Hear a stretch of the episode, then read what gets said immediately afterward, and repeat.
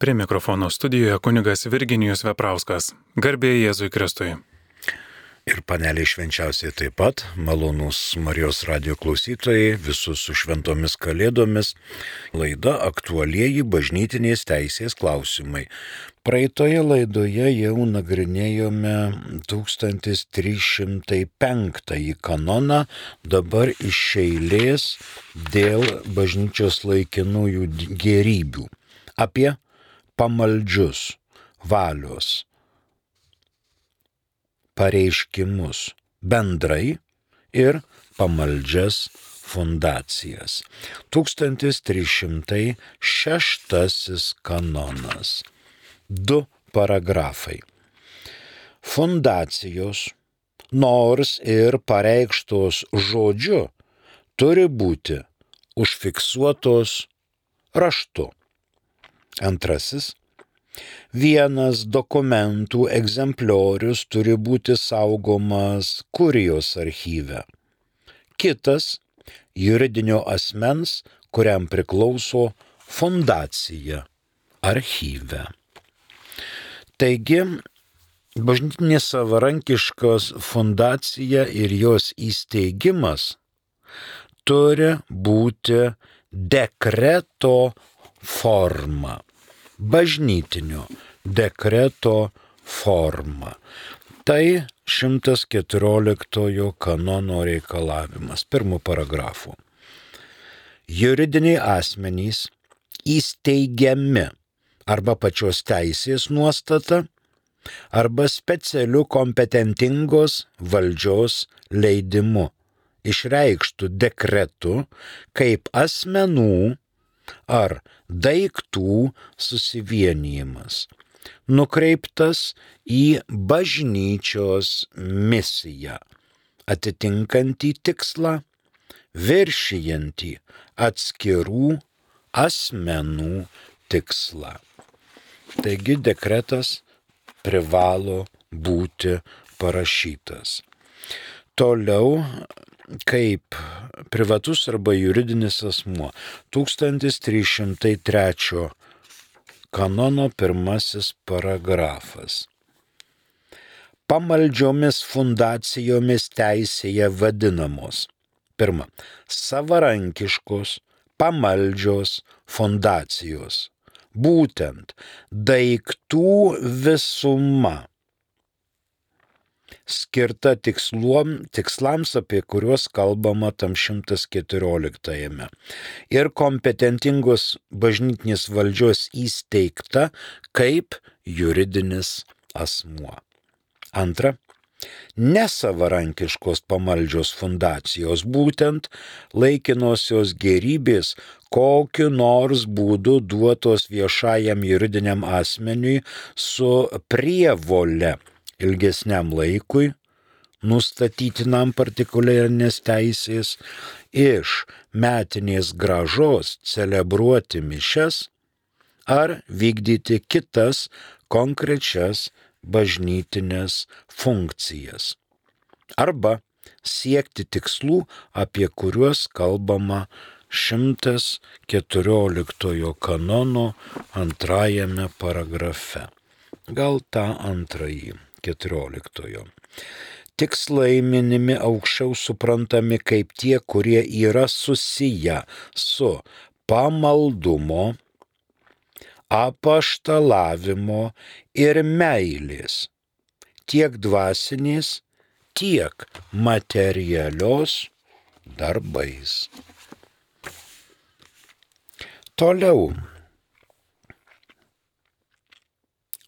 nesavarankiškos bažnytinės fundacijos atveju ją galima priimti tik gavus vietos ordinaro leidimą. Dėl jau egzistuojančio juridinio asmens. Jis, juridinis asmuo, egzistuoja, bet norint priimti nesavarankišką fundaciją vis tiek reikia gauti vietos ordinaro leidimą raštu. Pareikštos žodžiu tos fundacijos nepriimamos. Dėl to ir 1306 kanonas parašytas dėl nesavarankiškų fundacijų. Ten aiškiai pažymėta žodis, kad fundacijos, pavyzdžiui, pareikštos žodžiu. Po to suponuojama, kad privaloma parašyti protokolas. Jeigu jos yra pareikšto žodžiu, turi būti užfiksuotos raštu. Na tai žinoma, ne dėl galiojimo, o dėl įrodomumo. Mums į pagalbą gali ateiti pavyzdžiui 37 kanonas. 37 kanonas. Administracinis aktas skirtas išoriniai sričiai turi būti raštiškas. Jei administracinis aktas išleistas pavedimo forma, jo įvykdymo aktas taip pat turi būti raštiškas. Na ir kad tai būtų aišku, jog raštu darome. Ir 51 kanonas. Dekretas turi būti išleistas raštu, bent glaustai išdėstant motyvus, jei jame pateikiamas sprendimas. Mėla, malonu, raštu ir trumpai administracinis šito pamaldžios fundacijos galiojimui reikalingas vyskupo leidimas. Ten nenurodoma tame leidime, kas fundacijos autorius, koks, tai yra ten nurodoma vis tik tai, kas fundacijos autorius, koks gėris perduodamas? Kokios lėšos, gerybės, turtas, kilnojamas, nekilnojamas, taip toliau. Dabar kam šios gerybės skiriamos? Kam? Parapijai, dekanatui, seminarijai, rektoratui. Toliau fiksuojamas tikslas. Kokiu tikslu skiriama fondacija? Na ir žinoma, fundacijos vykdymo terminai. Pažymima vis tik tai, kad pirmasis reikalavimas yra šis, jog vietos vyskupas leistų raštu priimti fundaciją juridiniam asmeniui, kuris yra tam vyskupui pavaldus. 1304 kanono pirmas paragrafas. Kad juridinis asmuo galiojamai priimtų fundaciją, reikalaujamas raštiškas ordinaro leidimas. Tačiau jis neturi jo išduoti prieš tai teisėtai neužsitikrinęs, kad juridinis asmuo pajėgs įvykdyti tiek naujai prisijimama, tiek jau prisimtas prievolės. Ypač turi rūpintis, kad graža visiškai padengtų pridėtas prievolės pagal vietos ar regiono paprotį.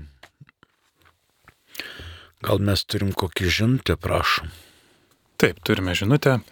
Klausytojas klausia, kaip įveikti baimę ir paranoją, jei nepadeda gydytojai ir vaistai. Aišku, visuomet gali padėti Dievas, kreipkitės. Ačiū. Toliau antroji mintis po 1306 kanono.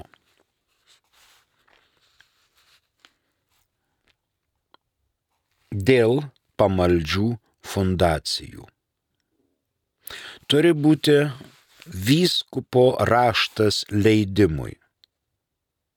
Šitas leidimas yra atitinkama apsauga ir pačiam fundacijos autoriui, ir tam juridiniam asmenį, kuris priima. Kad viskas patvirtinta aukščiau stovinčios taip sakant, organizacijos, aukščiau stovinčiųjų, vieną padalą aukštesnių. Tai yra atitinkama apsauga. Na, raštas.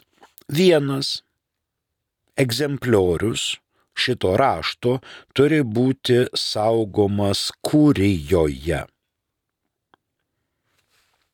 vyskupo kūrijoje. Arba vienas egzempliorius atitinkamai, jeigu fundacija skirta vienuolynui, pašvesto gyvenimo institutui arba apaštališkojo gyvenimo draugijai popiežiaus teisių, tada šis vienas egzempliorius gulasi į aukštesniojo vyresniojo archyvą kurio kompetencijoje yra priimta fundacija. Dėl pašvesto gyvenimo institutų ir apaštališkojo gyvenimo draugijų. Aišku, ne diecezinių, bet popiežiaus teisių. O diecezinių teisių vyskupo kūrijos žinoj, žinioje. Tai yra vienas egzempliorius. Arba ten, arba ten. Antras egzempliorius pačiame juridinio asmens archyve. Juridinio asmens archyve saugomi visi dokumentai. Tiek fundacijos prieimimo dokumentas, tiek vykdymo eigos dokumentas. Pavyzdžiui, jei tai šventos mišios ir jų įsipareigojimas, užvedama specialioji knyga šiai fundacijai vykdyti, kurią kontroliuoja vietos ordinaras. Ne bendra knyga, bet speciali knyga fundacijoms. Na, galim pasižiūrėti dabar į 958 kanono pirmąjį paragrafą. Bažnyčios ar kitos maldingos vietos, kurioje paprastai priimamos aukos už mišes, klebonas bei rektorius privalo turėti specialią knygą, kurioje būtų rūpestingai pažymėti celebruotinų mišių skaičių, intenciją, duotą auką ir, ir atliktą celebraciją. Tai yra bendras reikalavimas rektoriui klebonui, kad reikia turėti tokią knygą. Antras paragrafas. Ordinaras turi pareigą asmeniškai ar per kitus kiekvienais metais patikrinti tokias knygas. Asmeniškai arba per kitą. Patikrinti. A kas ten dedasi? Toliau 1287 kanonas. Bet kokių bažnytinių gerybių, kurios nebuvo teisėtai atskirtos nuo diecezinio vyskupo valdymo galios, administratoriai, tiek dvasininkai, tiek pasauliečiai privalo kasmet pateikti ataskaitą vietos ordinarui, kuris ją turi pateikti, patikrinti ekonominių reikalų tarybai, esant atšauktam prieštaraujančiam papročiui. Na ir dar galima paminėti 1307 kanoną, pirmąjį paragrafą. Liekant galioti ten tiems teisiniams aktams, būtina sudaryti su fundacijomis susijusių prievolių sąrašą ir laikyti jį gerai matomoje vietoje, kad nebūtų pamirštos vykdytinos prievolės. Ar mus pasiekė dar koks žinutė, prašom. Taip, turime žinutę, garbė Jėzui Kristui. Pastoviai klausausi laidos ir pastebėjau, kad daugelio kanonų atitikmenų rytų kanonuose numeriai skiriasi. Norėčiau sužinoti, kokios priežastys lemia šių kanonų numerių neatitikimą. Taip pat būčiau dėkingas, jeigu galėtumėte apskritai plačiau papasakoti apie rytų kanonus. Pagarbiai Simonas. Simonai platesnio aiškinimo tikrai nebus. Jeigu būtų rytų kanonai tapatus vakarų kanonams, tai nereikėtų nei minėti, kokie kanonai sutampa su rytų kanonais. Dabar rytų bažnyčių kanonai yra išleisti žymiai vėliau ir jie tvarko rytų bažnyčių juridinę padėtį. Tų bažnyčių, kurios yra pavaldžios popiežiui. Nes vieną šventą katalikų bažnyčią sudaro Lotynų apieigų bažnyčia, kurios daugumai priklausom mes, ir 22 savos teisės rytų bažnyčių struktūros. Pavyzdžiui, Lietuvoje yra ir rytų bažnyčia priklausanti popiežiui, tai unitai arba bazilijonai. Jie yra rytų apieigų bažnyčia, bet jie priklauso popiežiui. Vieni pravoslavai priklauso Maskvos patriarchatui, Kiti pravoslavai priklauso Konstantinopolio patriarchatui. Ir norint čia pradėti aiškinti čia tuos skirtumus, panašumus ir taip toliau, tai mes įklimsime labai ger, giliai ir čia yra jau specifiniai klausimai. Atsiprašau, mums dar paskambino, prašom. Skambina klausytojas Petras. Malonu. Garbėsiu Kristų. Ir amžius. Amen. Aš noriu paklausti, kai švenčiausiai sakramentą ligonį atveža ar priklauso, ten mokėti jam ar nieko. Ačiū Petrai. Švenčiausias sakramentas ligoniui vežamas nemokamai. Nemokamai. Tačiau kunigas paprastai pats nevairuoja. Atvažiuoja kunigo vežtis į namus, į ligoninę, į globos namus, į senelių namus artimieji. Tai tas tikrai kainuoja. Kainuoja kaimynų laikas arba benzinas ir taip toliau. Kunigas galėtų su liturginiais rūbais apsirengęs, sėsti prie vairo ir važiuoti. Pavyzdžiui, per Kalėdas, tarkim. Kalėdų pirmąją dieną ateina po sumos ir pasako, kad jau reiškia žmogus miršta šaukėsi kunigo. Prašau, veškit. Žmonės sako, mes negalim vežti, jau tu pats važiuok. Kunigas jau gali klebonas biski su svečiais būti pasivaišinęs ir jam neišeina sėsti prie vairo. Sako, kvieskit taksą. Tai, kad mes nemokam, programėlių čia nėra ir tada prasideda. Tai vad, mokamas ar nemokamas Petrai vežimas. Kunigo su švenčiausiu sakramentu pas ligonį. Ir daug panašių dalykų yra. Pavyzdžiui, reidas, koks voratinklis, arba ten tie ekipažai šeši stovi ir kiekvienam reikia atsipūsti.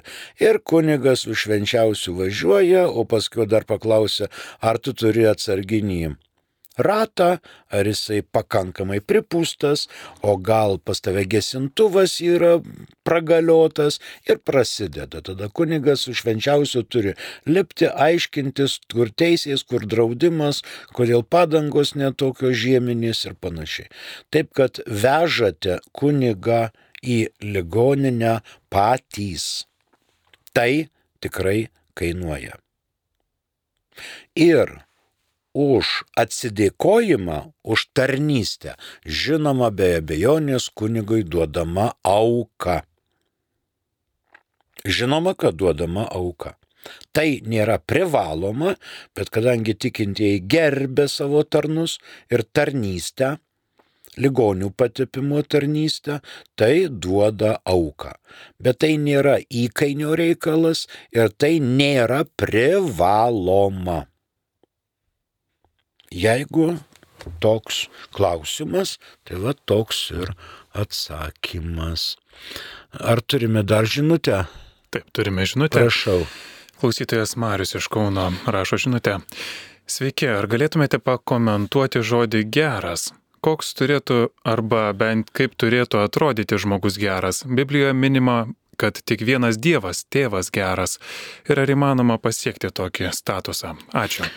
Ačiū žmogui, aišku, įmanoma, nes tokį statusą pasiekė begimtosios nuodėmės pradėtojai švenčiausiai mergelė Marija. Jie yra dangaus karalienė.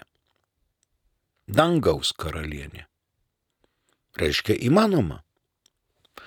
Dabar Biblijoje minima, kad tik vienas Dievas yra geras.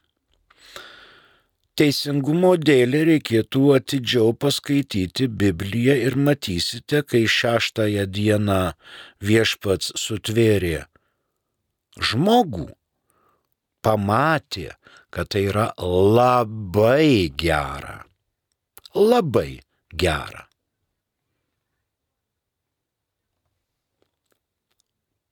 žmogus yra labai geras. In se, taip sakant, savyje. Dievas sukūrė va klausiantį Petrą, Dievas sukūrė klausiančią Onutę, Birutę, Teresėlę, visus juos sukūrė Dievas. Ir mato, kad tai yra labai gera. Dievas sukūrė Putiną, Vladimirą, Vladimiročių ir pamatė, kad tai yra labai gera. Nes tai yra būtis. Kiekviena būtis yra gera. O kaip turėtų atrodyti, tai jūs e, paskaitykite, pavyzdžiui, kalno pamokslą. Jėzaus kalno pamokslą nei izraeliečiai, nei palestiniečiai, arba taip sakant, arabai, galbūt ir netgi semitai, neturi kalno pamokslo sampratos. Krikščionys turi.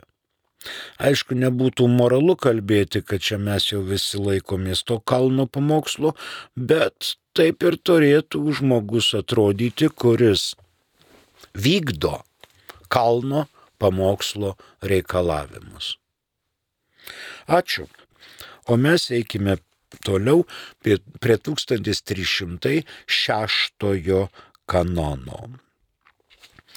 Dabar mes kalbame apie tai, kad vienas egzempliorius turi nugulti vyskupo arba aukštesniojo vyresniojo archyve kitas saugomas pačiame juridinio asmens archyve.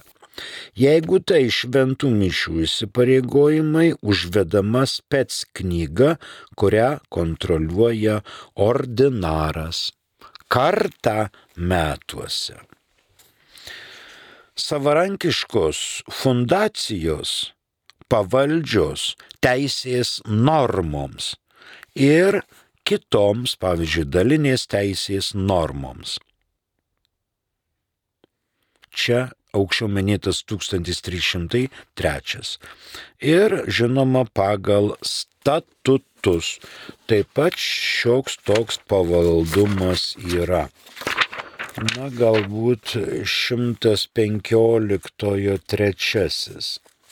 Daiktų susivienijimą arba savarankišką fundaciją sudaro arba dvasinės, arba medžiaginės gerybės ar dalykai ir ją pagal teisės, pagal teisės ir statutų normą tvarko arba vienas ar daugiau fizinių asmenų arba kolegija.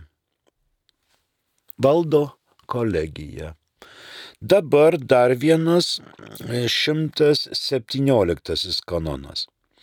Jokia asmenų ar daiktų visuma siekianti įgyti juridinio asmens statusą, negali jo gauti, jei jo statutai nėra patvirtinti kompetentingos valdžios. Taigi negauni juridinio asmens statuso, kol tavo statutas nėra patvirtintas kompetentingos valdžios. Dar turim žinti, prašau. Ar be rimtos priežasties sekmadienį nenueiti į šventas mišes yra sunki nuodėmė? Aišku. Be svarbios priežasties. O tų svarbių priežasčių yra ganėtinai daug. Ganėtinai daug. Pavyzdžiui, viena iš priežasčių, jeigu mes neskiriam ėjimui į bažnyčią daugiau nei vieną valandą. Karščiai, liūtys, va dabar Olandija, Vokietija skęsta. Arba pabandykite Betliejuje nueiti į pamaldas, kai karo veiksmai. Arba pabandykite nuvažiuoti į bažnyčią kai valstybė užkirto visus kelius ir savo, ko, sako, COVID, sėdėt namuose. Įsijunkit televizorių ir žiūrėkit per jį pamaldas. Aišku, kad pateisinama. Tai yra fizinis negalimumas dalyvauti gyvai bažnyčioje. Ar turime dar ką nors Yra toks labai jau platus klausimas vienas. Na, aišku, pateikite, klausytojai nori išgirsti. Klausytojas Darius Jonas klausia, kokia gyvenimo prasme.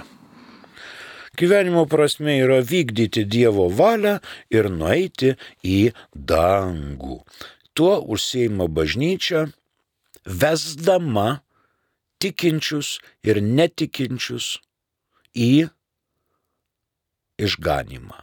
Veda nes bažnyčia atstovauja Dievą. Kitos ten partijos, susivienijimai, judėjimai neatstovauja Dievo, o bažnyčia atstovauja Dievą ir teikia išganimui reikalingas priemonės - sakramentus, sakramentalijas, švenčia liturgiją, išlaiko Biblijos mokymą, magisteriumą, kaip dabar matote, kanonų teisės nuostatas ir reikia pateikti visiems žmonėms tą mintį, kad jie išganimą pasiektų. Kanonų teisės kodekso pirmasis kanonas. Šio kodekso kanonai skirti vien lotynų bažnyčiai. Lotynų bažnyčia gausiausia yra žinoma Lietuvoje šalia kitų bažnyčių bet skaiting, skaitlingiausia, gausiausia yra Lietuvoje.